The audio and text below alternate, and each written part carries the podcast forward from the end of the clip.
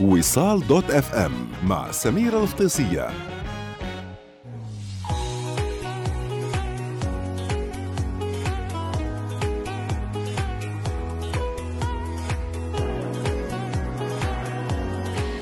ليش نحس بألم في الذراع بعد ما نتلقى اللقاح؟ طبعا آه، بغض النظر عن نوع, عن نوع اللقاح مستمعينا أي تطعيم ممكن آه، تاخذه راح تحس بألم بسيط في ذراعك. لكن ليش هذا بنتخ- بنخبركم عن هذا الألم مستمعينا. آه طبعا آه، بصرف النظر عن الأعراض ال- الأخرى اللي ممكن قد تصاحب آه تلقي اللقاح المضاد لفيروس كورونا أو الفيروسات الأخرى مثل الحمى والتعب وآلام الجسم آه، الكثير راح يشعر بألم في الذراع وقد يستمر هذا الألم ليومين بعد تلقي اللقاح. طبعا أعتقد عند الكثير آه، صار هذا الألم وأنا منكم طبعا. يومين استمر آه، آه، الذراع. طبعا مستمعينا بحسب صحيفة Times of India بنخبركم عن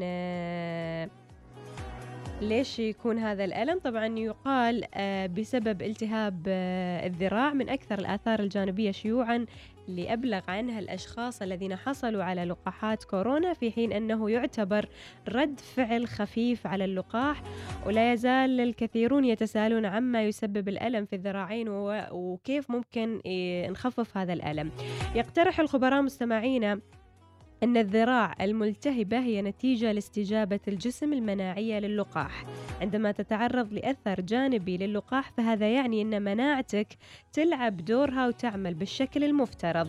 اللقاحات هي محاكاة آه، للفيروس ولذلك عند حقنها في الجسم يستجيب لها الجهاز المناعي ويحاول حماية الجسم من العوامل الممرضة. وهذا بدوره يؤدي إلى ردود فعل مختلفة ومن بينها ألم في الذراع. يعني بما في معناه أن آه، كريات الدم البيضاء والحمراء واللي يتحاربوا داخل.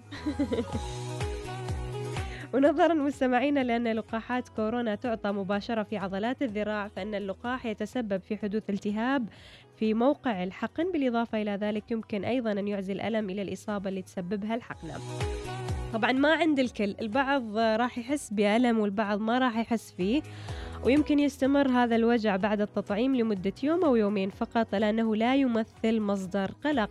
من أجل تخفيف الألم ينصح الخبراء بتمرين الذراع بحركات خفيفة ومستمرة.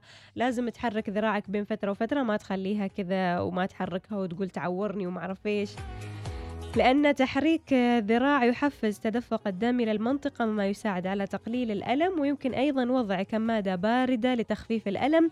ومع ذلك لا تنسى أن الألم هو علامة على عمل جهاز المناعة لديك. هذا هذه هذه المعلومة مستمعينا هذا الألم اللي نحس فيه في الذراع بعد تلقي لقاح كورونا أو أي لقاح آخر.